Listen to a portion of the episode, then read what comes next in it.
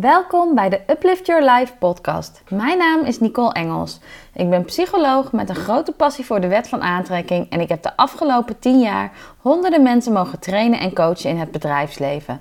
Het is mijn intentie om zoveel mogelijk vrouwen te inspireren om volledig vanuit hun hart te leven en te werken. Ik help je ontdekken wat het is dat jij het allerliefste wilt doen en om je hart te gaan volgen zodat jij meer fun in je leven en je carrière gaat ervaren. Ik wens je veel luisterplezier toe.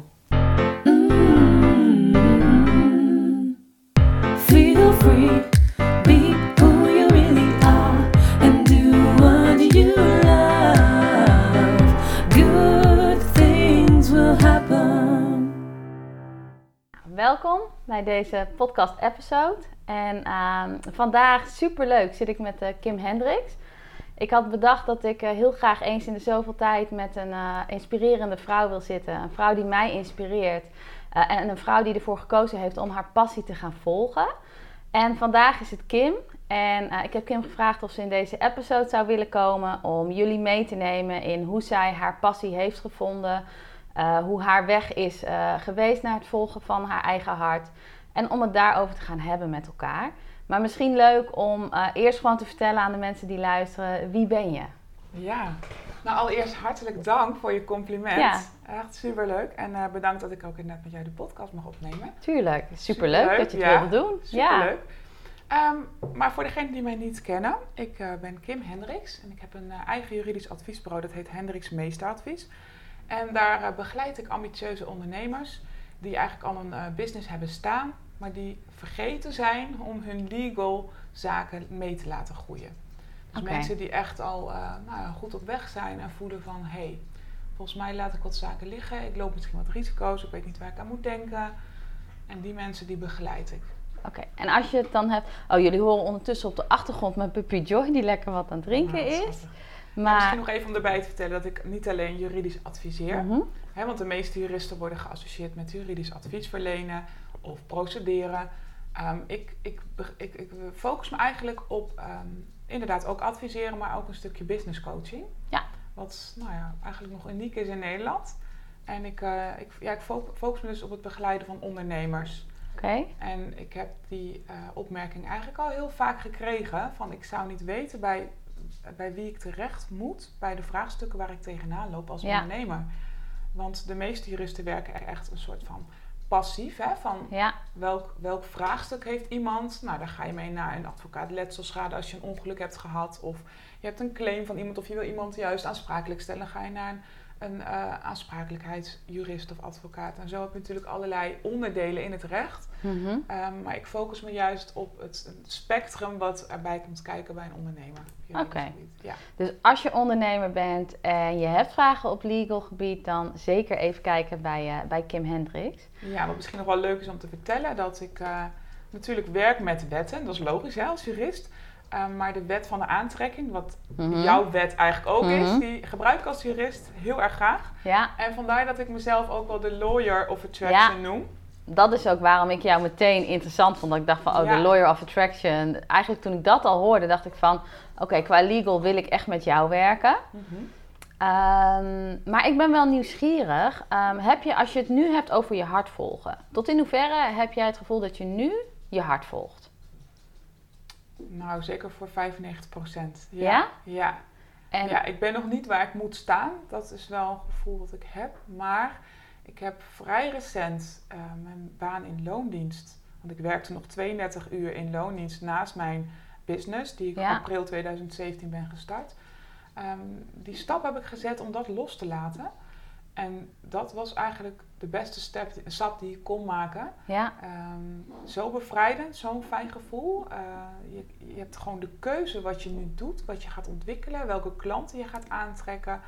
En ik merk dat er nog wel wat stapjes zijn die ik wil zetten om echt Mhm. iets neer te zetten. Heb ik, heb ik waarschijnlijk voor Ja. mijn omgeving wel. Maar dus 95% zeker inderdaad mijn passie die ik aan het volgen ben op dit moment. Want dat vind ik wel super interessant. Want ik denk dat de vrouwen die veel luisteren naar mijn eh, podcast, is dat die eigenlijk over het algemeen in loondienst zitten. Dat ze vaak ook bij grote organisaties zitten. Ja. En dat ze wel voelen van, hé, hey, er moet toch meer zijn in het leven dan dit. Maar dat Ja. ze het ook spannend vinden om die stap te maken. Of dat, ze, dat je misschien wel, als je luistert, dat je denkt van, maar wat is dan mijn passie? Dus ik ben benieuwd, hoe was dat voor jou? Wist jij altijd al wat je passie was? Of hoe ben je er ooit achter gekomen dat dit het is waar je blij van wordt? Dat, dat je blij wordt van de wet, Ja, nou, dat is een hele goede vraag.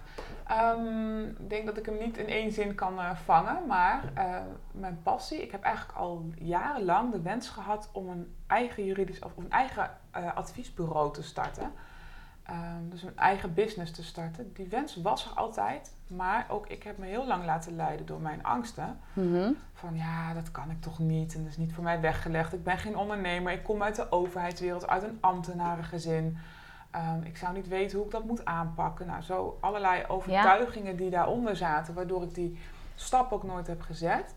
Ehm, maar ik, wist altijd wel dat ik heel graag met mensen werk. Ja, Dat ik ook in mijn vriendenkring altijd mensen om me heen had, maar ook collega's die Mhm. met hun problemen, soms juridisch, maar ook breder dan dat, naar me toe kwamen. ja, En ehm, wat ik ook merkte is dat mensen heel snel hun hele privéleven op tafel legden bij me. Dat, ze, dat Mhm. ik een, bepaalde vertrouwen, een bepaald vertrouwen uitstraalde. En dat ik ook mensen goede tips kon geven en goed op weg kon helpen en kon inspireren. Dus dat zat er altijd wel in al, merkte ik. En daar, dat heb ik eens onderzocht, van wat kan ik daarmee? En, en dat is heel erg de reis van eh, werknemer naar ondernemer. Als ik jou zo Ja. beluister. Maar als je het hebt over het gebied van werk. Had jij altijd het gevoel dat je wel in de juiste wereld zat? Had je altijd het gevoel dat je wel in de juiste branche zat? Of heb je jezelf wel eens... Want ik spreek ook vrouwen bijvoorbeeld die... eh, misschien in, in legal zitten, maar denken van nee, ik zou eigenlijk veel liever onderwijzeres zijn. Of Ja, zat jij nee. altijd wel op de juiste plek? Ik kan me niet anders herinneren dan dat ik rechten wilde studeren. Want Dus waarom wilde je dat? Dat is een hele goede vraag, want ik weet het eigenlijk niet eens. Nee? Dus ik heb dat voor mezelf wel eens bedacht. Van, goh, wanneer was het moment dat ik dacht, ik Mhm. ga rechten studeren? Ja. Ik kan het me niet eens meer echt heugen. Ik weet wel dat mijn vader altijd een groot voorbeeld voor mij was. En die heeft ook op een latere leeftijd nog een rechtenstudie opgepakt. Ehm, dus wellicht dat ik me daardoor heb laten inspireren. Maar het is geen bewuste keuze geweest van ik ga mijn vader nadoen of hè, dat, dat niet. Ehm, maar ik was wel iemand van eh, de regeltjes en het, de structuur. En Ja. ja, de juridische wereld die, die hangt aan regeltjes en, Mhm. en ook structuur. En ik, ja, ik vind dat heel prettig Ja. als persoon. Ehm, dus er is voor mij nooit een twijfel of, of vraag geweest of dat dan de goede richting was. Mhm. Ehm, en ook na mijn studie heb ik wel gedacht, oké, Mhm. wat je tijdens je studie vaak te horen krijgt is van... eh, en wat ook heel veel wordt gepromoot, zijn de grote advocatenkantoren. Ja. Denk je aan Amsterdam of de Zuidas? ja, de Zuidas, of, ja. precies. Dat wordt echt wel eh, heel groot in de kijker Ja. gezet. En ik merkte aan mezelf van, ik ben, eh, nou, ik ben ook hooggevoelig. Ik, ik ben wat softer wat dat betreft. Ik ben Mhm. geen harde businessvrouw.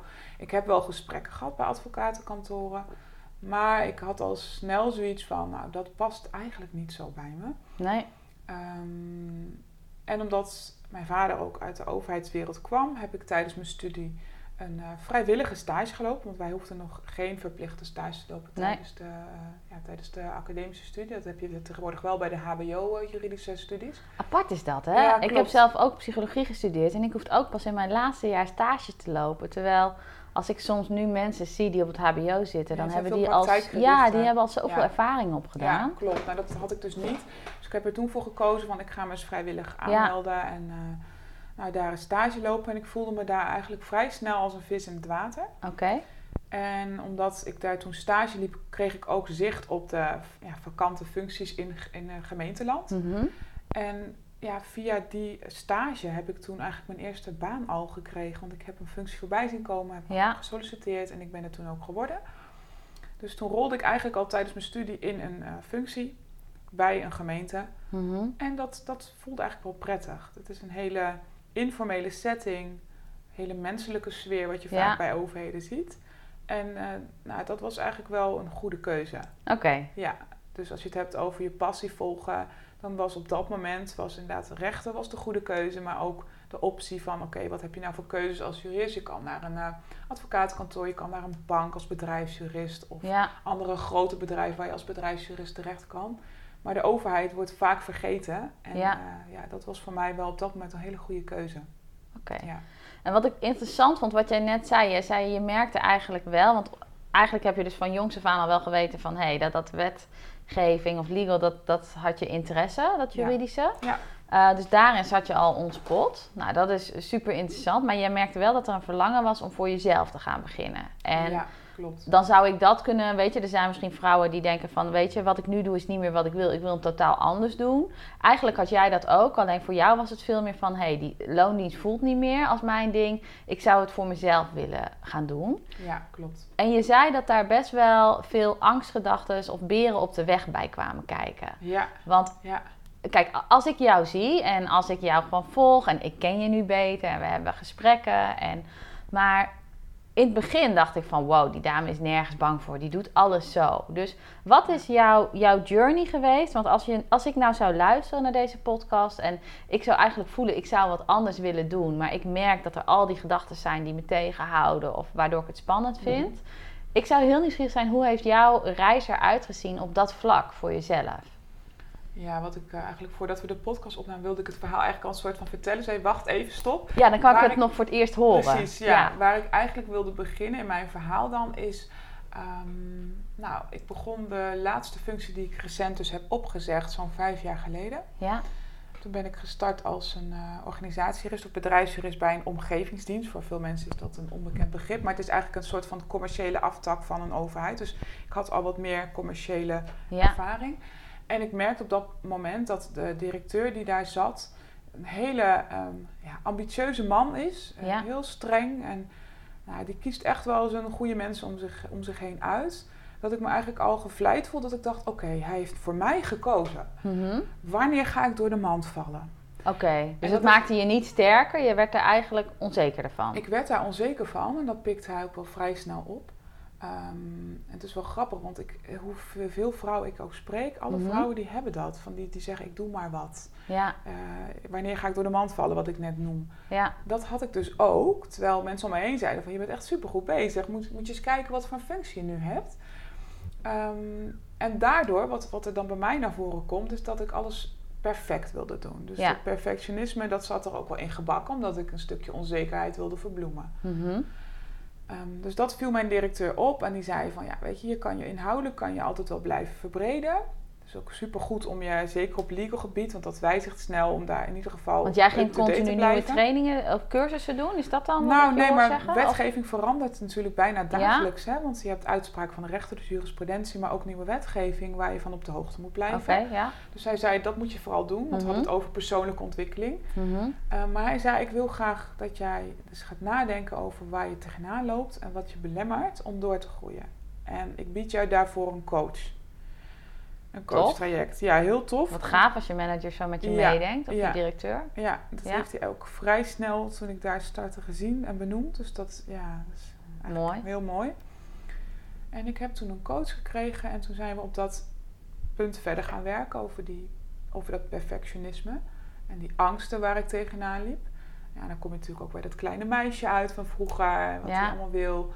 En uiteindelijk kwam ik erachter, oké, ik zit inderdaad mijn onzekerheid te verbloemen. Ik, kan, ik heb heel wat in mijn mars. Ik heb, eh, eh, ik heb heel wat te vertellen ook. En ik merk al dat mensen op me afkomen. En die, die trek ik al aan met wat ik ze kan bieden. En dat is niet alleen advies geven, maar dit is breder. Gewoon alle En levenskwesties waar eigenlijk. merkte je dat? Omdat, Op werk of ook ja, daarbuiten? op het werk, Of- ook, op, maar ook daarbuiten, ja. ja. Ja, ik werd regelmatig voor allerlei kwesties benaderd. Ja? En, eh, Zoals? Als, als ik nu zit te luisteren, wat, waar, waar moet ik dan aan denken? Wat voor een soort... Nou, weet je, dat, dat er bijvoorbeeld een collega op je afkomt van... Nou, ik heb nu eh, een geschil met die en die, hoe moet ik dat aanvliegen? Of ik heb Mhm. nu een eh, claim gehad. Of ik heb een uh, frauduleus bedrijf en ik heb een factuur getekend. Wat moet ik nu? Weet je, dat soort zaken. Maar ook wel echt privézaken. Gewoon, ehm, weet je wel, ik heb issues waar ik tegenaan loop. Onzekerheden. Of hoe moet ik dit nou aanpakken als werkgever? Dat, dat, ja, het Ja. is echt wel heel breed.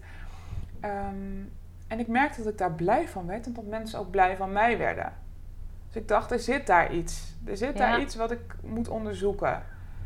En als ik nu kijk naar het begin van die vijf jaar dat ik dus bij die nieuwe functie was begonnen, ehm, dacht ik echt van, nou, je moet mij echt niet voor een groep zetten. Dan, dan loop ik echt gillend weg. Ja, Training geven, nee, echt, dat zal ik nooit van zo lang zoals leven doen. Dat vind ik veel te spannend, dat ga ik niet doen. En toch op de een of andere manier, waar mijn angst zit, ik pak dat aan. Want dan denk ik, ik ga mezelf toch ehm, triggeren en stretchen. Omdat ik merk, ik heb gemerkt dat Ja. ik daardoor groei en dat angsten zitten in je hoofd. Hey, en hoe heeft, want je triggerde me net enorm toen je het had over dat kleine meisje. En Ja. dat zie ik zo vaak als ik zelf vrouwen coach. Ik merk het bij mezelf toen, weet je, toen ik op een gegeven moment boven mezelf uit wilde gaan stijgen. Dan komt altijd van, hé, hey, wat wil de kleine Nicole? Wat wil de kleine Kim? Wat heb jij geleerd over wat jouw kleine meisje wilde? Zodat als ik luister als vrouw, als ik eigenlijk zelf ook zo'n switch wil maken, ik wil mijn hart achterna gaan, Ja. dan zit dus ook een klein meisje in mij. En wat heb jij geleerd over jouw kleine Nou, meisje? wat ik heb geleerd is dat dat kleine meisje gezien wil worden en erkenning wil krijgen.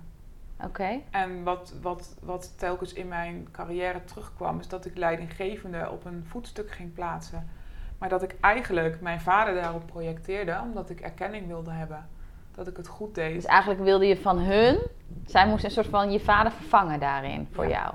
Ja, ik wilde die goedkeuring krijgen. Ik wilde ja, gezien worden. Ik wilde goed gevonden zijn. En ja, dat is dat kleine meisje wat daaronder zit. Dus je ging eigenlijk, zij ging heel, ehm, je ging heel hard werken Ja, eigenlijk om ja, maar die beloning te krijgen. en precies.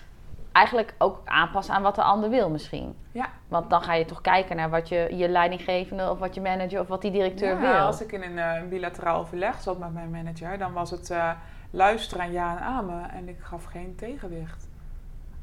Omdat ik dacht, nou dat is dat voetstuk, daar staat die persoon op en die weet Ja. alles. En die, ja, ik, ik ben ondergeschikt. Dus ik, ik heb me echt letterlijk ondergeschikt geplaatst. En dat heb ik ook Wel wel mooi dat je zegt, dat heb ik gedaan. Je zegt, ik, Ja, ik was niet ik niet onderschikt, maar ik heb me onderschikt geplaatst. Nee, omdat ik in dat coachingstrek waar ik het net Ja. over had, dat ben gaan inzien. Oké. En letterlijk de persoon in kwestie naast mij ben gaan plaatsen. En hoe doe je dat? Als ik daarin zit, dat terwijl ik nu luister en ik herken dit, hoe, hoe heb jij dat gedaan? Nou, echt letterlijk dat denken ook. Dat iemand Ja. dus niet voor je op een voetstuk staat, maar gewoon communiceert Ja, met jou en niet ja, langs jou. Of echt gewoon naast elkaar gezet. En wat ik ben gaan doen is benoemen als ik iets spannend vond. Of als ik merkte dat hij, hij kon nogal kort door de bocht zijn. Ehm, nou, dat ik daar eh, van schrok. Ik, Mhm. ik klapte dicht. Mhm. Dat ben ik gaan benoemen. Van goh, dit en dit doe je. Wat het nu met mij doet, eh, is dat ik dichtklap en even niet weet wat ik moet doen. En ik merkte dat onze verstandhouding eerst heel erg ja, zakelijk en hard was. En dat, dat groeide naar elkaar toe. En we konden elkaar gewoon echt nu als van mens tot mens tot elkaar praten. ja, Daar krijg ik nu ook alweer kippenvel van. Omdat Ik dat, is, dat inzicht wat ik toen heb opgedaan, ehm, dat is zo waardevol geweest. Omdat Ja. ik merkte van, hé, hey, je kan met je mind kan je heel veel. ja, En ik was al heel lang geïnteresseerd in de wet van de aantrekking, de law of attraction. Dus ik heb daar ook heel veel boeken over gelezen. Maar nu merkte ik echt van, oké, ik kan dat toepassen. Ik kan met mijn mind werken. Ik kan bepalen hoe ik me voel. ja, Ik kan het, ehm, nou, ik kan het in, in, in banen leiden die voor mij prettig voelen. En dat ik al dat contact met mijn leidinggevende had, was voor mij gewoon een openbaring. En dat heeft het contact alleen maar beter gemaakt. ja. Dus ja, Oké, en je was aan het vertellen over jouw journey. Van hey, Ja, wat, wat zijn de angsten die je tegenkwam? eh, omdat je eigenlijk merkte van hé, hey, ik wil op mezelf gaan staan. ja. Maar dat is echt een reis geweest. Dus wat, wat is er daarna gebeurd op die reis? Ehm, nou, tijdens die reis ehm, ben ik voor een tweede keer moeder geworden. Ja, En nou, voor degenen die ooit moeder zijn geworden, dat, dat is op zichzelf al een hele spirituele belevenis, die hele bevalling. En dat was echt heel heftig. Maar ook je gezin moet weer even in balans, eh, de balans terugvinden. Dat Ja. was behoorlijk heftig. Ehm, dus mijn tweede was net geboren. Ik was net weer terug op mijn functie, van, net terug van Ja. zwangerschapsverlof. En toen kreeg ik een aanrijding. Dus eh, ja, iemand is gewoon vol achterop gereden en ik had een oh, hele vervelende whiplash. En eh, vrij snel al, ja, een paar dagen daarna begon ik al allerlei klachten te krijgen. Ja. Van ontzettend duizig, duizigheidsaanvallen tot ontzettend vermoeid. Ik kon Ja. bijna niet meer praten, zo moe Mhm. was ik. Ik, was, eh, kon me niet meer concentreren. Dus ik moest me ook gaan ziek melden. mhm. En dan word je echt even teruggeworpen naar de basis. Dus ik heb echt heel sterk het gevoel gehad dat op dat moment er even iemand ingreep van oké, uh, Kim is net bevallen. Ze wil weer net zo hard doorgaan zoals ze altijd deed qua functie. En nog Jij was steeds al aan het rennen. opschakelen naar de zesde versnelling. Precies, ja. Ehm, dat kan niet. En er moet nu even van buitenaf ingegrepen worden, want zelf doet ze het niet. Dus zo heb ik dat echt ervaren. Dus dat is mooi. Dus jij zag dat ongeluk eigenlijk als iets wat voor je heeft gewerkt. Ja. En niet als iets wat je overkwam of waardoor je in de put of waardoor Nee. je eigenlijk mooi. Ja, maar het wil niet zeggen dat ik het gelijk accepteerde. Want het is heel lastig voor iemand die heel veel wil en heel veel ambities heeft. En Ja, eh, vooral alles goed wil doen voor de omgeving. Ja. Om dan te want je stoppen kon met niet wat je meer doet. 100% leveren Nee, op dat nee, moment. Nee, nee. Ik moest me echt 100% ziek melden zelfs. En mijn thuisbasis moest echt voor mij opvangen. Dus ik kon even helemaal niets meer. En ik werd daar op een gegeven moment ook door aangekeken, of door mijn werkgever door, op aangekeken. Echt? Ja, dat ik echt Op welke ook- manier? Nou, dat ik, eh, ja, weet je, het is natuurlijk niet zichtbaar in whiplash. Nee. Kijk, je kan wat dat betreft beter een gebroken been hebben, omdat er gewoon een, een hersteltermijn voor staat. En iedereen ziet ook aan je dat je ziek Ja. bent of dat je, hè, dat je rust Ja, moet ja. houden.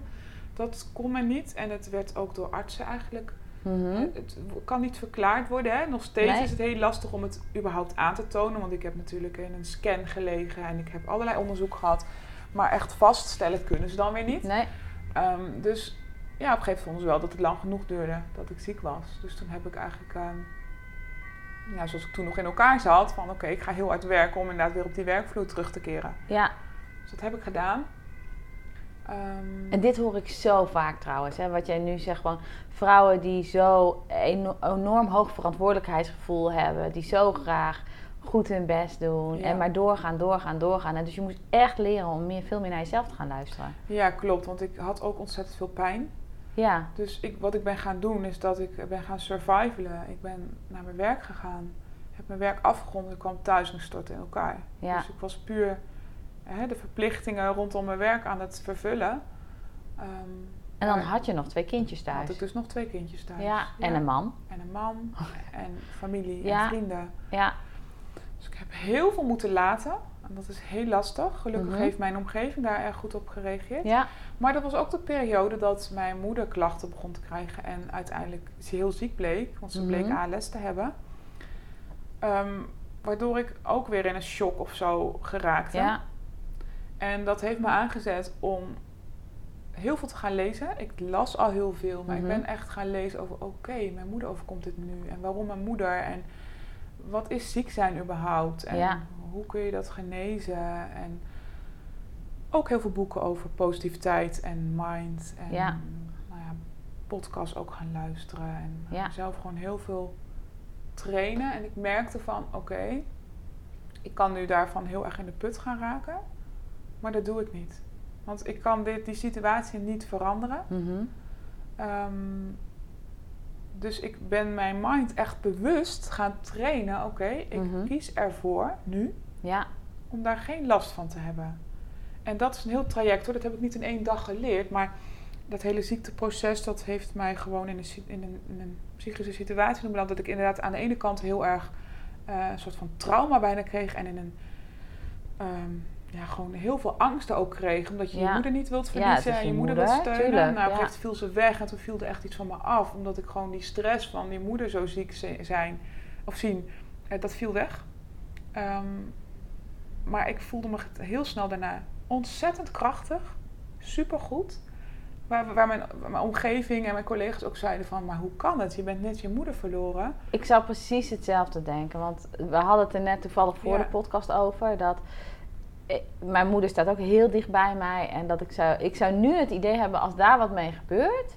ehm, dan hoop ik dat ik zo sterk zou kunnen zijn. Ja, maar ik dan hoop ik dat ik er zo mee om zou kunnen gaan. Ja, Maar ik zou nu verwachten dat, eh, dat ik alles echt even op stop moet zetten. En dat ik er echt gewoon een post niet ben. ja, dat had ik ook altijd. Ja. Want mijn ouders, daar moest je gewoon niet aankomen. Nee. Want mijn moeder was mijn beste vriendin. Ja, herken en ik, ik heb zo. altijd gezegd... Ik, had, ik heb het altijd, als, me, als er iets overkomt... dan kun je me opvegen. ja, ja, herken ik honderd. Ja, Ja. en nu schiet me ook even wat te binnen. Ehm, ik had heel erg sterk de drang om kinderen te krijgen, omdat ik altijd het gevoel heb gehad van mijn moeder wil ik dat ik wil dat mijn moeder mijn kinderen gaan leren kennen. Zonder dat ik daar iets bij dacht, maar dat wilde ik per se. Ik had echt Ja. een drang om kinderen te krijgen, om en ik weet nog toen ik zwanger bleek, dat het eerste wat ik, wat ik dacht was van...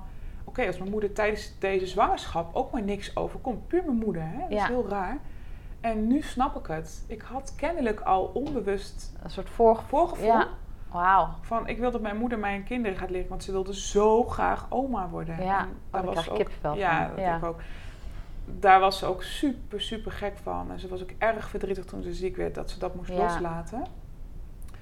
Maar dat heb ik altijd gehad. En hoe kwam ik daar nu op? Omdat het was de reis van Ja. je hart gaan volgen. En, welke belemmeringen heb je moeten overwinnen voor jezelf? Of welke niet helpende gedachten of welke angsten? Nou ja, en tijdens dat ziektebed van mijn moeder ben ik me zo gaan trainen, zoals ik net zei, dat ik, ik geloof, twee weken na het overlijden van mijn moeder, heb ik mijn bedrijf ingeschreven bij de Kamer van Koophandel. Omdat ik dacht, ik ga dit nu, ik ga dit nu doen.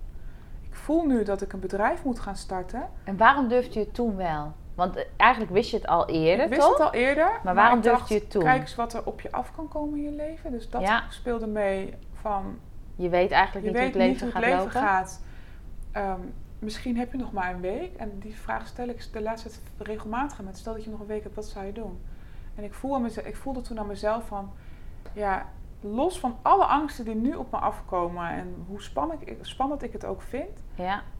ik ga dit doen. Maar wat doet die vraag voor je dan? Want als je zegt van stel dat ik nog maar een week heb, wat zou ik dan doen? Want een week klinkt heel kort. Dus Ja, Eh, maar dan kom je heel dichtbij van Ja. wie ben ik en wat Ja. wil ik dan nog en wat wil ik niet hebben laten liggen in mijn leven. Je kan de vraag ook stellen van stel dat je inderdaad op je sterfbed ligt, wat heb je dan, eh, Mhm. Heb je dan eh, spijt van dingen die je misschien hebt laten liggen? ja, Dus dit is een vraag die ik mezelf de laatste tijd wel stel van oké, als nog een week wat zou ik dan doen? Ehm, dat was voor mij dus dat moment, toen mijn moeder overleed, viel er in ieder geval letterlijk iets van me af. Omdat ik dacht, oké, die stress en die Ja. zorg is weg. Los van het feit dat je je moeder niet wil verliezen. natuurlijk. Werd ik er heel krachtig van. Ik, werd, ik voelde me echt gewoon, ja, letterlijk stijgen, groter worden. ehm, en krachtig worden. Omdat ik eigenlijk wat ik al die jaren, maar ook die, in dat ziektebed, maar ook tijdens die whiplash-periode heb geleerd, kon ik ineens in de praktijk brengen. Alsof het gewoon Omdat je een hele sterke drijfveer had ook Ja. ineens. Van hey, je weet niet wat er gaat gebeuren. Dus je bent veel voller gaan leven. Ik wil het leven ten met volle. volle overtuiging Ja, gaan leven en zo keuzes gaan maken ja. die bij je passen en bij je horen en die goed voelen. En weet je, wat het, dan, dan kun je ook wel zeggen, wat zijn dan de beren op de weg? Hè? Want dat zijn vaak de Mhm. redenen waardoor mensen iets niet doen. Mhm. Ga die maar eens onder ogen komen van, oké, wat zijn die beren? En wat kan ik eraan doen om hem aan de kant te duwen? Ja, En die moet je echt gaan zien. ja, En voor mij was het inderdaad, stel dat ik ga falen of dat het niet lukt. ja. Maar ja, dat, dat moet je aangaan. Je moet, als je een wens hebt, moet je het gewoon proberen. En volgens mij zegt Michael Pilacic het ook van, je moet start move before you're ready. Ja, Begin gewoon, doe het. ja. Waar word je gelukkig? Probeer het gewoon. En het allerergste is dat het niet lukt. Nou ja, En dat is wel een interessante, hè, dat je dat zegt, start before you're ready. Want ik heb die, ik weet nog dat ik een, een jaar geleden of zo in een training zat. En toen zei een trainer tegen mij van, je weet eigenlijk al wat je wil, maar start before you're ready. En mijn gedachte was, nee, het moet eerst helemaal perfect staan en dan pas mag ik het de wereld in gooien. ja, dus het perfectionisme weer. en Ja. toen zei hij tegen mij, die trainer, en ik had echt een hekel aan hem op dat moment. Maar hij raakte gewoon echt een pijnpunt. Hij zegt, dat heeft te maken met je zelfvertrouwen. Hij zegt, als jij gelooft dat je het kan, dan durf je al de wereld in te sturen voordat het klaar is. Dus dan durf je bewijs van al iets te gaan verkopen wat je nog moet ontwikkelen. Omdat je weet dat jij altijd delivert, dat je altijd oplevert. En Ja. toen ik op die manier naar Start Before You're Ready ging kijken, Ja, toen dacht ik, oh ja, eigenlijk nu durf ik heel makkelijk iets te gaan verkopen van ik denk, oh, dat ga ik nog bedenken. Maar ik weet gewoon dat er iets goed staat klopt. als het moment daar is. Omdat ik weet wat ik kan. Maar dat was voor mij zo'n mind change. Nou, en je moet denk ik ook een bepaalde druk voelen. Net als dat je iets al verkoopt zonder dat je het hebt ontwikkeld. Want dan voel je ook, oké, ik wil dit leveren. En Ja. die eagerness zit in mij als ik iets doe. Dus met alles in mijn leven. Als ik iets doe, doe ik het met volle overtuiging. En ik bijt me erin vast. En, ja, ehm, dat is net als met mijn business starten, mijn onderneming starten. Dat, dat, daar ga ik gewoon voor. En Ja. ik stop niet. Dat kan. Dat, ik hoor dan nu mijn zusje lachen. Want eh, zij zegt altijd, en dat zeiden mijn ouders trouwens ook tegen mij altijd, van je bijt je zo in iets vast dat het ook echt wel, je graaft zo ver dat het ook gewoon vervelend kan zijn voor jezelf. Omdat je nooit Ja. het goede antwoord hebt. Soms moet je dingen ook los weten te laten. ja. Eh, dus het kan, ook, het kan ook iets negatiefs zijn. Maar in mijn geval, eh, ik hou altijd, ik hou van de positiviteit benadrukken. Ehm, in mijn geval is het, is het voor mij in ieder geval goed dat als wat ik iets start, dat ik het ook afmaak. Ja, En mensen om mij heen weten dat ook voor mij, die kunnen gewoon 100% op mij leunen en Ja. vertrouwen. Als ik A zeg, dan doe ik ook A, dan doe ik echt geen B. Hey, en geloof jij dat, ehm, dat iedereen zijn hart kan gaan volgen? Geloof Ja. je dat dat weggelegd is voor iedereen? Ja, 100%. Ja? Ja. Waar- je zegt het heel overtuigend. Ja. Waarom, waarom geloof je dat? Nou, omdat iedereen volgens mij hier op aarde is om eh, zijn purpose te vinden, denk ik. Of Ja? Zijn doel te, te vinden of zijn doelen te behalen. Ehm, en ik denk dat iedereen eh, in staat is om die mind hè, te trainen. Mhm. En die mind om te zetten naar daden. Ja, Want iets be- je gevoel begint ook met eerst een gedachte, dan Ja. komt het gevoel en het gedrag. ja, Dus als jij ehm, je gedachten op orde hebt, ja. dan heb je daar een goed gevoel bij. En dan komt het gedrag komt vanzelf. Mhm.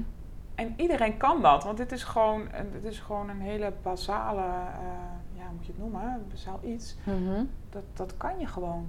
Iedereen kan wat hij, iedereen kan dat, want er zijn ook mensen die zeggen van ja, maar ik, ik heb weinig geld, of ik zit erbij, of het lot, of ik Tuurlijk, allerlei dingen die tuurlijk. me overkomen. Heel erg aan de omgeving. En ik, ik snap het ook, hè, want ik ben daar vroeger ooit ook geweest. Weet je, ik moest ook echt leren om te zien dat ik kon kijken naar mijn vader of mijn stiefvaders of dingen die ik vroeger niet heb gekregen. En weet je, ik hou heel veel van mijn vader, maar ik, ik kon echt dingen buiten mezelf plaatsen Ja, waarom ik onzeker was of waarom ja, ik dat doen we vaak. Het is ook heel Ja. veilig. En dat, dat moest ik echt leren van, hé, hey, weet je, pas op het moment dat je het zelf aanpakt, dan kun je het veranderen. En dat is echt wel een soort, dat is niet makkelijk. Dat, dat is niet is, makkelijk. Het is echt iets wat je moet leren. ja, En wat je op een gegeven moment als een tweede natuur Precies. vanzelf doet. precies. Ehm, want hè, mensen zijn gewoontedieren. Ja, Dus die zijn gewend aan bepaalde Ja. patronen. Dat voelt voor je hersenen lekker, want dat, daar kun je op, op leunen. Dus een nieuw patroon ontwikkelen, dat kost echt wel ja, enige tijd. Ik geloof dat ik ergens een keer in een onderzoek heb gelezen dat eh, met kleine dingen werkt het zo dat je het in ieder geval drie weken moet volhouden Ja. voordat het echt een beetje in je systeem zit. Met, met dit soort wat ingewikkeldere dingen denk ik dat het wat langer duurt. ja ik, hoor, ik hoorde laatst een interview van eh, Anne Kwaart en Roy Martina. Dat is jouw ja, business coach mijn Anne business coach, ja. Ik ben haar gaan luisteren door jou eigenlijk. Ja. En eh, toen zei Roy Martina van als je op persoonlijkheidsniveau iets wilt veranderen, heb je daar 91 tot 100 dagen voor nodig. Ja, en dan moet je het structureel elke dag oefenen. Ja. Eh, en dan pas kan het geïntegreerd worden en kan het een nieuw onderdeel van je zijn gaan zijn. ja, klopt. Dacht ik, dat is lang hoor. 91 tot 100 dagen. Dat betekent dus dat je er drie maanden aan één stuk ongoing mee bezig moet zijn. Elke dag bewust zijn. Ja, en om het misschien... Ik, ik kan me zo voorstellen, ik hoor mensen dan nu denken van, oh ja, hoe begin ik dan? Ja, Wat misschien wel, wel goed is om het meest simpele boek is The Secret. Hè? Dat is Ja. een vrij toegankelijk boek. Maar ehm, werken met moodboards of vision boards helpt heel, is heel krachtig. doe je dat? Ik doe dat. Doe je het nog steeds? Nou, ik heb de laatste gemaakt, denk ik, twee jaar terug. Maar ik werk dan nu op dit moment heel erg veel met mindmaps. Ja, Omdat het heel veel structuur geeft. Maar eh, plaatjes, die werken echt in je onderbewustzijn door. Dus een moodboard kan heel snel doorwerken. En als je dat dagelijks ziet, hè, de wensen die je hebt, Ja. in plaatjes verwerkt, kan dat, eh, heb ik zelf gewerkt, gemerkt met de moodboards die ik heb gemaakt. Alles wat daarop staat, dat heb ik gemanifesteerd. en als je nu kijkt naar je laatste moodboard, wat staat daarop? Wat je nu Nou, dat gemanifesteerd heb hebt? ik toevallig gisteren met een vriendin besproken. Dus, Echt? Oh, wat grappig. ja. Het is ook geen toeval dat Dat is ook geen hè? toeval. Nou, wat ik bijvoorbeeld wilde is, ik wilde graag verse bloemen altijd naar huis. En ik wilde een, een, een eh, workshop bloemen schikken doen. Dat heb ik bij Bloemon gedaan. Oké, cool. Ik wilde heel graag een Chanel trouwens. Nou, die heb ik inmiddels. Eh, ik wilde gezonder gaan leven. Want ik vond, ik Ja. zat toen nog midden in die periode dat het gezondheidstechnisch gezien met mij wat minder goed ging. Ja, En ik wilde wat meer gaan eh, sporten weer. Dat kon ik heel moeilijk weer oppakken vanwege de klachten die ik had. Ben ik toen gaan doen. Ik, ben toen, ik wilde graag wat afvallen, omdat ik toen net inderdaad die zwangerschap Ja. achter de rug. Dat heb ik gehaald. Ehm, nou ja, toch meer met mijn vrienden afspreken, omdat ik merk dat ik daar heel gelukkig van, van werd of word nog steeds. Ben ik ook gaan doen. Dus dat zijn allemaal dingen die ik. en, en hoe werkt het dan voor jou, dat moodboard? Je maakt het, je hebt al die plaatjes opgeplakt van wat je zou Ja. willen. En Ja. dan? En dan zet ik hem op een plek waar ik hem vaak zie. In dit geval op mijn kantoortje in huis. Ja, En ehm, dan zie je hem eigenlijk dagelijks, komt dat weer in je onderbewustzijn. En eh, dat, dat gaat zich manifesteren. Dus je hebt dan weer iets eh, wat je ziet, dat brengt een bepaald gevoel met zich Ja. mee. En het gedrag komt dan vanzelf. Omdat alles gaat zich dan zetten Ja. om die acties ook daadwerkelijk uit te gaan voeren. Ik vraag me niet precies hoe het werkt, maar ik, ik weet dat het werkt, want ik Ja. heb het zelf ondervonden. Ehm, maar dat, dat, zijn, dat zijn misschien de meest simpele dingen om dan nu op te pakken. Ja, en wat ik wel mooi vind, is dat het ook niet. ehm, er- staan ook hele. Ik weet wel eens dat de allereerste keer dat ik een moodboard heb gemaakt. Ik werk ook met moodboards. En ik zie ook dat heel veel dingen op mijn moodboard uitkomen. Ehm, maar ik weet de allereerste keer dat ik een moodboard maakte, toen was de gap zo groot tussen waar ik op dat moment stond. Het moodboard wat ik maakte, die kon ik ook totaal niet voelen. Toen had ik infinity pools erop en toen had ik, ehm, weet je, dat ik, ehm, dat ik op elk gebied de beste versie van mezelf zette. Van, Ja. En dan was het zo groot als ik er naar keek dat ik dacht van, yeah right. Weet je, leuk, maar yeah right. Maar dat is ook een hele goede wat je daar nu aansnijdt, want zo wer- werkt de wet van de aantrekking. Je moet wel voelen en ook Mhm. in al je vezels Mhm. weten, het is echt een helder weten, Ja, dat je dat ook gaat bereiken. ja, En als je daar, ehm, hè, als ik nou op het moodboard zou zetten, ik ga in een, eh, jaar 20 miljoen verdienen en ik voel dat niet, nee, dan ga je daar niet komen. Dus een moodboard moet ook wel haalbaar zijn. Ja. Het moeten geen doelen zijn waarvan je bijvoorbeeld al weet van, nou, dat ga ik toch nooit halen. En zeker dat- als je die ja. of de instelling ook houdt van, die ga ik niet halen, ga je het precies. ook echt niet halen. En dat is wel cool, want daarom, daarom zei ik het ook. Want dat is denk ik iets wat de meeste mensen niet weten. Want dan kijk je naar de Secret, want de Secret is super tof. Maar in de Secret staat van, eh, zet een Ferrari eh, neer en, en je Precies. krijgt een Ferrari. Maar als jij gelooft inderdaad van, ja, maar die Ferrari die is zo buiten mijn bereik. Dus ik weet nog op het moment dat iemand mij dat leerde...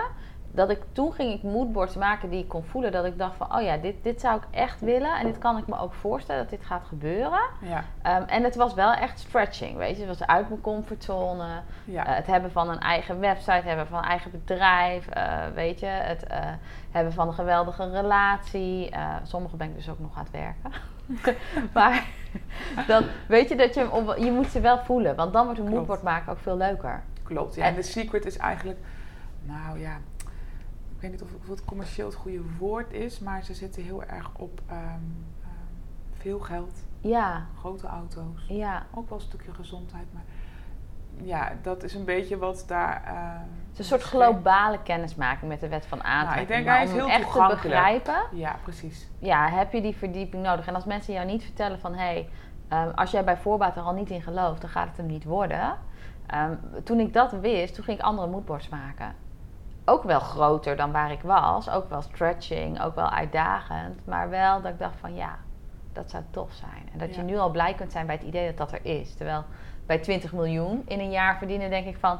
ja, die kan ik niet eens voelen, want ik geloof maar dat nog is niet. belangrijk. Gevoel is heel belangrijk en het vertrouwen dat het ook haalbaar is. Ja. Dus ja, dat, dat zou ik wel eh, adviseren. En de meeste mensen zeggen, ja, je, de secret en de wet van de aantrekking, Mhm. leuk.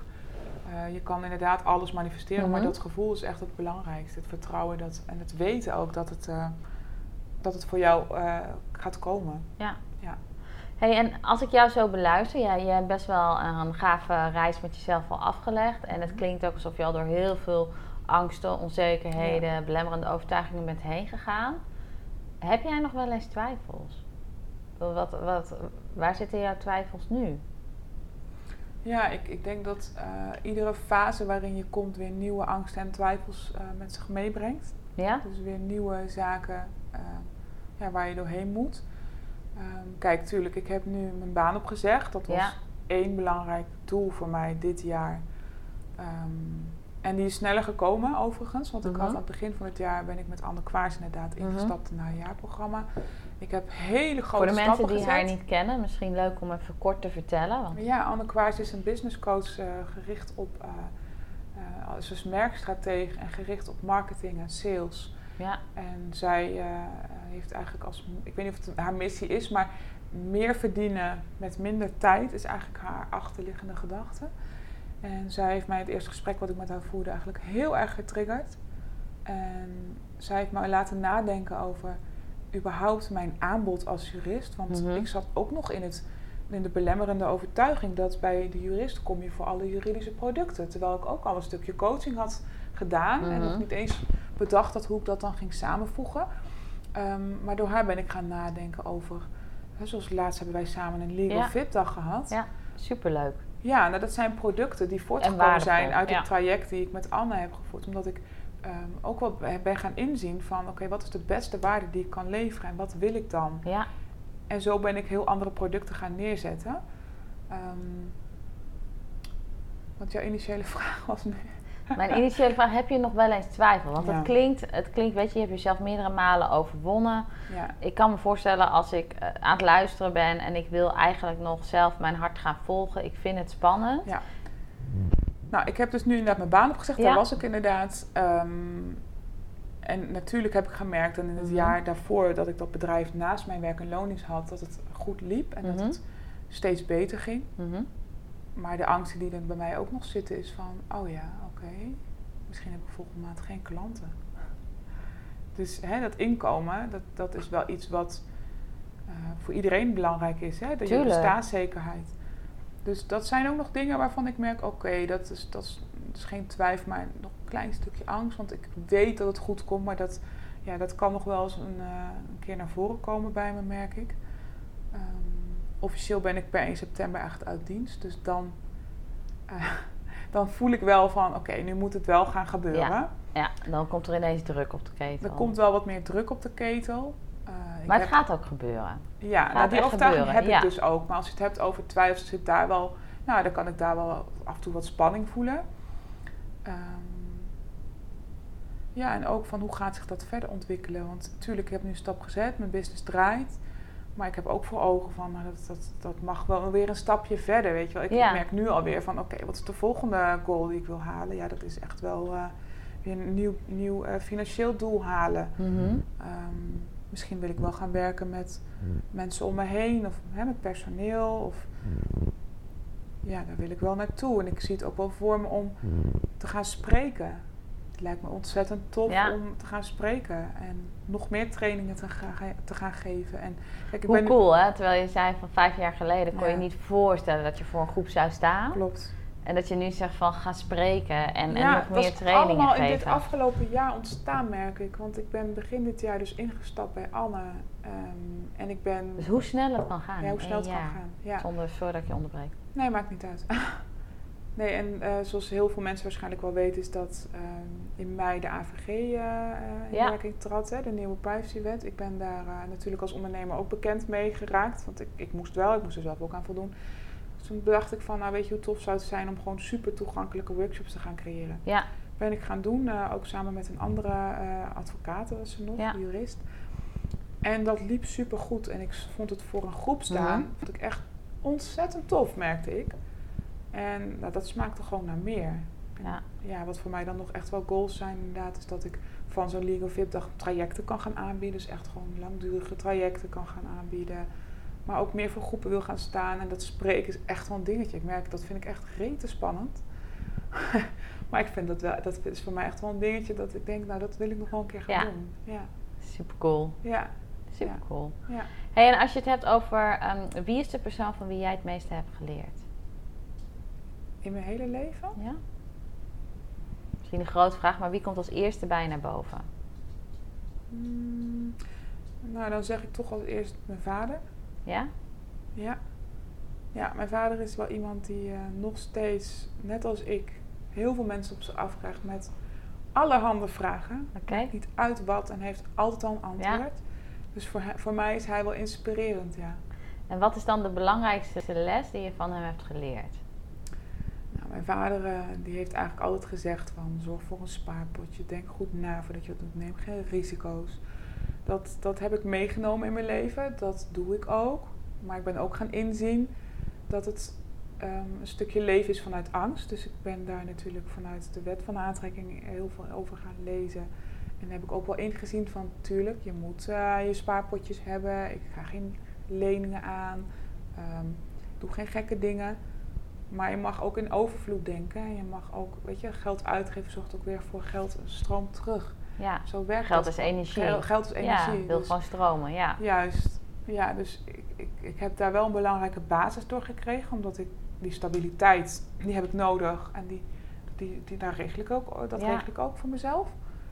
Eh, dus dat is denk ik wel de, de, de grootste waarde die ik daaruit heb gehaald voor mezelf. Mooi. Ja.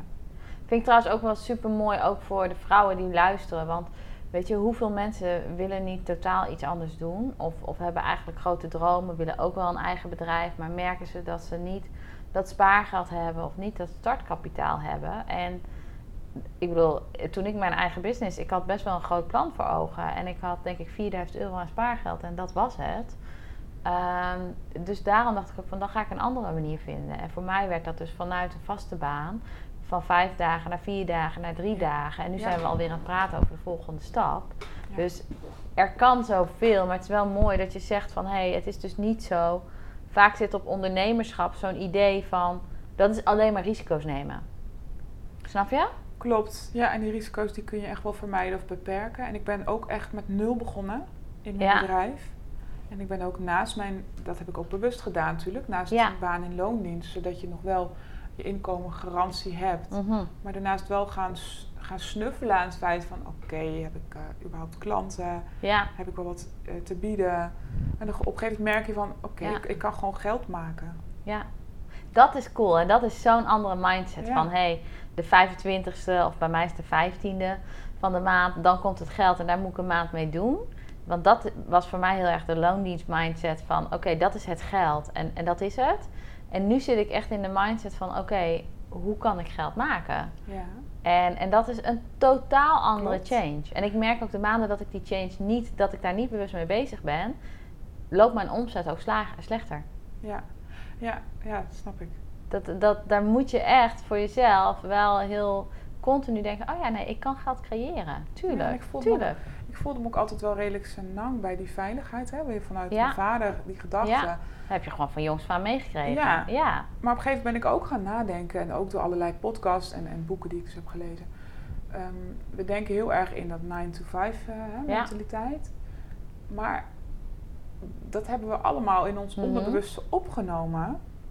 Maar het kan ook anders. Wie zegt dat jij van 9 tot 5 moet werken? Je kan toch ook van, maar wat, 10 tot 1. Of juist s'nachts. Of net wanneer jij wil. En Ja, je kan wat ook goed twee voelt dagen voor jou, tuurlijk. wat goed voelt voor jou. Dus dat, dat is misschien een hele makkelijke. Maar voor mij was dat even een openbaring. Ik dacht, ja, ik, ik kan gewoon met mijn business gewoon zelf bepalen Ja, hoe ik mijn dagen indeel. ja, En ik voelde me echt, toen ik die gedachte kreeg, ook een beetje een loonslaaf worden. Van, oh ja, ja, ik werk voor een baas. En als ondernemer heb je gewoon zelf in de hand wat je voor prijzen vraagt. Natuurlijk wel binnen een bepaald vraag- en aanbodverhaal. Maar je gaat heel anders nadenken Ja. over tijd, over geld, Ja. over... ja, dat shift heel veel in jezelf. shift dat ineens klopt. heel veel en dat ging heel Ja. snel achter elkaar, waardoor ik zoiets had van ja, maar ik ga niet meer vier dagen voor een baas werken. Nee.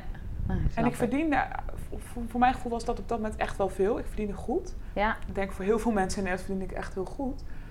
Alleen ik merkte van ja, ik kan voor mezelf kan ik nog meer manifesteren. En waarom, waarom zou ik dat niet willen? Ja, en, en misschien, weet je, misschien is het opbouwen in geld om op dat niveau te komen, maar wel vanuit een totaal ander gevoel. Vanuit een gevoel van vrijheid, Klopt. vanuit een gevoel van heel erg aligned met jezelf Ja. leven. Vanuit, En het is niet omdat het dan hè, dat inhaligen van wat Ja. geld binnenhalen, maar het is ook gewoon jezelf die waardering gunnen, maar ook anderen juist ja, heel goed vanuit alle vezels kunnen helpen. Ja. Want dat is wat je het liefste doet natuurlijk. En dat zit erachter, hè? want mensen hebben nog heel vaak eh, Mhm. de mindset van ja, geld is vies en ik mag niet eh, geld verdienen. En dat past niet bij mij als Mhm. coach of is niet, eh, niet verantwoord of niet goed. Nou, noem alle overtuigingen maar. Maar het is wat jij net al noemde, het is energie. Het is een ruilmiddel, het is Ja. iets wat, wat gewoon werkt. En waarom niet daar meer van verdienen? Want dat geeft meer erkenning, waardoor ik mensen om me heen ook weer gelukkig kan maken. Eh, ja, ja, het, het heeft zoveel voordelen. tuurlijk, Ja, tuurlijk.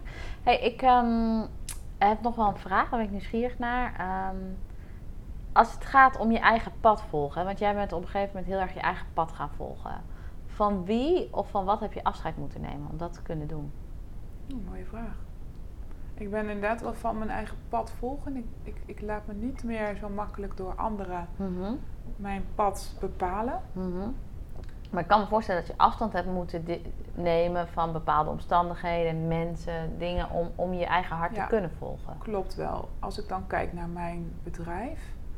ehm, ik zat heel erg vast, wat ik net al noemde, in mijn eigen overtuigingen en de juridische producten. Ja, En ik ben er wel achter gekomen. Ik, ik, ik noemde het straks al een keer, ik ben hooggevoelig. Dus Ja. ik hou niet van conflicten. Ik vind dat in mijn zakelijke eh, Ja. wereld vind ik dat ook niet fijn. Mhm. Ehm, en ik zat ook nog in de overtuiging van ja, als jurist moet je toch adviseren, maar ook procederen. En je moet ook geschillen aangaan. Ja. En, terwijl ik ehm, daar niet van hou. En op een gegeven moment ook dacht van ja, waarom kies ik dan niet voor het onderdeel van de juridische wereld waar ik juist heel blij van word. Mensen helpen, adviseren, trainen, coachen. Ja, En dat is echt een switch voor mij geweest. Heb ik dus moeten achterlaten van oké, dat onderdeel, dat past eigenlijk niet zo bij mij. nee. Ik ga me meer focussen op de positiviteit. En dat past ook weer bij de Law of Attraction en, en die positieve mindset. Ik mag dus mijn eigen keuzes maken. En of ik daarvoor echt iets heb achtergelaten. Nou, het was voor mij best wel een dingetje om op die manier mezelf te profileren. Omdat ik dacht, ja, ben ik dan wel een volwaardig jurist? Ja.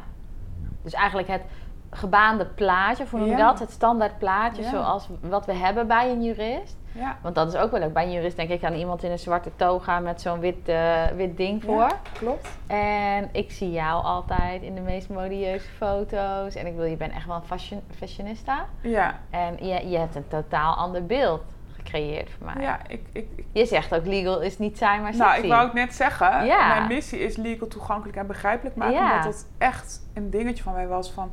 Oké, hoe ga ik het anders doen en hoe kan ik me onderscheiden? En Ja. niet eens bewust met de vraag bezig zijn hoe kan ik me onderscheiden, maar meer van wat wil ik graag? En ik wil heel graag het juridisch toegang- toegankelijk maken. En als ik een klant heb, dan eh ik steek heel veel tijd en energie in een gesprek met iemand. Wat wil Mhm. iemand nou echt? En ook in als ik iets oplever, dat het in een gewoon normaal Ja. geschreven taal is. En niet met allerlei juridische woorden en bijzinnen en toevoegingen en artikelen. Ja, Weet je, ik, ik lees zelf ook liever dat soort teksten. Hè? Dus gewoon normaal geschreven teksten. En ik Ja. ben gewend als jurist om de wettekst te lezen. Ik weet wat er staat, hoe je het moet lezen, hoe je het moet interpreteren. Ehm, maar ik vind dat er een hele grote barrière nog is tussen die werelden. En dat wilde ik wat meer samenbrengen. ja, En daar haken mensen ook op aan, omdat dat prettig is. En ja, dat, dat is wel heel leuk dat dat ook werkt. En wat er dan nog bij komt kijken, inderdaad, ik hou heel erg van mode. Dus ik laat ook zien wie ik ben. En, en Ja. ik laat ook in mijn kleding zien hoe ik me voel. En ja. weet je, ik hou van een kleur. Weet je, ik heb dan op, een, op mijn foto, mijn profielfoto, een roze pak aan in plaats van een zwart of grijs pak. En ik heb ook echt wel, hè, ik heb die pakken wel, maar ik, ik wil gewoon daarmee ook mezelf laten zien. En neerzetten op een andere manier die gebruikelijk is of waarvan mensen verwachten ja. eh, dat de juridische wereld eruit zou moeten zien. En ik kreeg dat commentaar ook toen ik net mijn website lanceerde, want die is ook wel ja, anders dan de gemiddelde Ja. juridische website. Hè, met, eh, Hij spreekt mij ook meteen veel meer aan. ja, hij is gewoon het kleurgebruik en wat roze erbij. En Ja, en hij is fancy en shiny en sparkly. Er zit heel veel mooi goud Goudse glitterrandje. Ja. accentjes, ja. Ik hou daarvan. Ik vind dat leuk. En een van mijn eh, hobby's is ook gewoon styling, zowel van kleding als Ja. van interieur. Dus ik vind dat gewoon heel leuk. En het is heel leuk om dat in je business een beetje Ja, ja, eh, ja, ja, erin ja. te fietsen, omdat het je pers- persoonlijkheid is. En weet je, je bedrijf, ehm, jij bent je bedrijf, Ja, 100. toch? Je bedoelt, je Ja, doet zaken van mens tot mens. Ja. En ik vind de menselijke kant heel belangrijk. En ik laat ook heel graag zien wie ik ben, omdat mensen daarop kunnen aanhaken. Ja. Dus ehm, ja, ik heb dus inderdaad wel een deel weg moeten laten, of tenminste achter moeten laten van oké, dat hele juridische plaatje wat mensen voor zich zien, wat ik zelf ook als overtuiging Ja, had, precies. dat, dat, dat, dat ligt achter me en ik presenteer me op een andere manier. Maar ik krijg daar zoveel leuke reacties op en daar word ik echt enorm blij van. Ja, het is wel tof, maar dat, dat vraagt dus wel lef en durf. En dat vraagt wel, ja, misschien noem je het je, je kop boven het maaiveld uitsteken. Nou, maar het anders spannend. doen, Ja, het anders doen als de rest, ja. Ja. daar gaan mensen wat van vinden. En dat kan positief zijn. En sommige mensen zullen helemaal niet vinden dat je de status quo moet doorbreken. ja ik heb ook. merk ik nu, dat zegt heel lang mezelf wel klein gehouden en dan durfde ik geen post te plaatsen of dat niet te uiten. Of dat ik dacht, Ja, wat voor commentaar krijg ik daarop? En toen ben ik dat toch gaan doen en toen kreeg ik zelfs van juristen kreeg ik reacties van ja, zo'n toffe beweging, dat, dat doen wij ook. Zij zijn dan nog echt wel Ja. een beetje dat, dat ouderwetse juridische. Van dat begrijpelijk maken, daar staan wij ook voor. En die, eh, hè, we moeten wat meer de werelden bij elkaar brengen. En toen dacht ik van, oké, dat een jurist dit nu zegt, dat is voor mij wel echt even lekker. ja, ja. Omdat ik dacht, het, het, het- ik mag gewoon mezelf laten zien. Maar het is En- tof, het kon ontstaan omdat jij dus voorbij ging aan die angststemmen angst. in je hoofd. Ja, En omdat je eigenlijk gewoon luistert naar van wat wil ik het liefste. ja. En daarop inzet. Klopt. En dan als je dat ook 100% voelt, Ja, dan kun je daar ook voor gaan staan. En dat voelt Ja. zo fijn, omdat je natuurlijk weet je, eh, welke uiting je ook doet, er zijn altijd mensen voor en altijd mensen Ja. tegen. Maar ja, haal ze maar eens weg. Ja. Ja. dan blijf je zelf over en jij bent belangrijk, toch? Ja, je, bent, je Jij hoort bent middelpunt belangrijk. van je leven te zijn, vind ik. Ja, Ja, en daar mag je gewoon voor de uitkomen. hoofdrol spelen in je eigen leven, Je niet een de bijrol. Precies, Ja. ja. En Ja. laat jezelf maar zien. En eh, ik wil graag eh, gaan afronden. En Mhm. wat ik heel cool vind, ik luister zelf de Super Soul podcast altijd van eh, Oprah. En zij eindigt altijd met een paar vragen. Nou ga ik niet haar vragen kopiëren, maar ik wil wel een vast item dat ik aan iedereen deze vragen ga stellen. Dus waar ben je het meeste dankbaar voor? Ehm, wow, dat zijn wel gelijk lastige vragen, Nicole. Ja? Geen, geen, Ja, lichte, vind- geen lichte snackies? Nee, dit zijn wel de nadenkers. Waar ik het meest dankbaar voor ben. Ja, ik, ik wil zeggen dan mijn leven. Maar dat creëer je natuurlijk zelf. Ehm, wel mooi als dat een antwoord is. ja, ik denk dat ik, dat, eh, dat ik het daarbij laat. Ik kan wel allemaal mensen noemen waar ik dankbaar voor ben. Hè, maar mijn moeder en Ja. is overleden en mijn vader. En daar ben ik heel dankbaar voor, want die hebben me heel veel gegeven. En Ja, ik ben nu wie ik ben door hen onder andere. ja. Maar ik weet zelf dat ik ook heel hard heb gewerkt om te zijn wie ik nu ben. Dus ik ben gewoon dankbaar voor het leven wat ik leid. Dat- ja. En ik ben benieuwd vanuit jouw persoonlijke ervaring. Wat is de meest waardevolle tip die jij aan vrouwen kunt geven die ook hun hart willen gaan volgen, maar dit nog niet doen of gedeeltelijk doen, meer willen? Wat zou jij hen mee willen Nou, dan geven? komt eigenlijk wat we net al een keer zeiden naar voren. Move before you're ready. Dus ga stappen zetten. Want alleen vanuit doen ontstaan er dingen. Ja, En ik heb ook in mijn business gemerkt van... ik heb bepaalde stappen gezet en die zijn, of processen doorgelopen. Mhm. En die zijn nu alweer anders. ja, Dus, maar dat kan alleen ontstaan omdat je al klanten hebt. En dat je iets hebt gevoeld van... nou, dat vind ik niet fijn. Of die persoon Ja. vind ik niet fijn. Of dat is mijn klant. En dat zal hetzelfde zijn als je een keuze moet maken van... eh, hè, ik wil switchen van een carrière. Of, Mhm. hè, dat- tuurlijk. Dat is hartstikke spannend. ja, ga gesprekken aan, ga lezen, ga, of ga het gewoon doen. Ga het gewoon doen. Dat is denk ik echt eh, In de actie. in de actiestand. Ja. want vanuit denken Nee. kom je er niet. Nee, Kom je er niet. Nee. vaak geeft het zelfs een tegenbeweging. En Ja, blokkeer je eerder. Ja, dus ga Ja. dingen doen, ga lezen, ga spreken, ga met mensen spreken. Mensen die je kunnen triggeren. Ja, volgens mij ben jij een goed voorbeeld van mensen die, eh, eh, die je helpt hè, om Ja. juist dat soort keuzes te gaan maken. Juist. Ga dat soort dingen doen. En dan de laatste. Ja. Wat is je favoriete quote of mantra waar je naar leeft? Ehm, ik denk dat dat is alles komt goed. Ja? Ja, die schiet nu in mijn. Die, die had ik heel lang, maar die heb ik eigenlijk al heel lang niet meer voor mezelf als mantra gehad. Maar dat is wel waar ik naar leef. Alles komt goed. Dus of nou wat er ook gebeurt, alles komt goed. Ja, En dat is ook weer gedacht vanuit positiviteit. tuurlijk. Dus ehm, als je dat realiseert, ook als het niet goed komt, komt het goed. Ja. Dus ja, ik denk dat die wel mooi is. eh, En als je die verinnerlijkt, dan kan ik me voorstellen dat dat zoveel rust geeft. Dat moet natuurlijk zo Klopt. fijn zijn. want er zijn geen fouten. Ja, Alles is om van te leren en alles komt goed uiteindelijk. In die end. ja, dus als het ook nog niet goed is, dan is het nog niet het eind. Dat is Nee. ook, ja. Mooi. Ja, Hoe vond je het? ik vond het heel, heel erg leuk. Ja? Ja, het is altijd wel eventjes spannend, hè? Van, goh, wat, wat ga je nou vragen? Ja, Het tuurlijk. is echt een beetje zo, zelfs een beetje een coachgesprek. Maar je, je moet ook heel goed diep graven. Je komt, ik merk ook gewoon van, oh, ik krijg zweethanden of ik voel dit of dat. Of ik heb kippenvel. Dus ik ga ook helemaal mee in het verhaal en in de vragen. Het is wel even spannend, maar wel heel leuk. Want het geeft ook weer gewoon een goed gevoel van, nou, ik ben gewoon goed bezig. En het is gewoon leuk om daarover te hebben. En Ja. ook om anderen te inspireren. En nou, ik voel gewoon aan alles dat ik, eh, nou, dat ik gewoon gelukkig ben. Ja. Ik ben gewoon echt oprecht gelukkig met wat ik aan het doen ben. Dus eh, ja. Hoe cool is dat? ja. En dat zie je, dat straal je uit in alles. En eh, ik vind het heel tof dat je dit wilde doen. Dank je wel. ja, jij heel erg bedankt dat je mij hebt gevraagd. Ja, nou ja, wat ik gewoon heel graag wil. Ik wil het ook vaker doen. Dus ook voor jullie, als jullie eh, vrouwen hebben waar je enorm door geïnspireerd wordt zelf. Waarvan je zegt van, hey Nicole, neem daar eens contact mee op. Stuur me zeker even een mailtje. At, uh, info.nicoleengels.com En waarom ik het zo fijn vind dat je dit wilde doen is...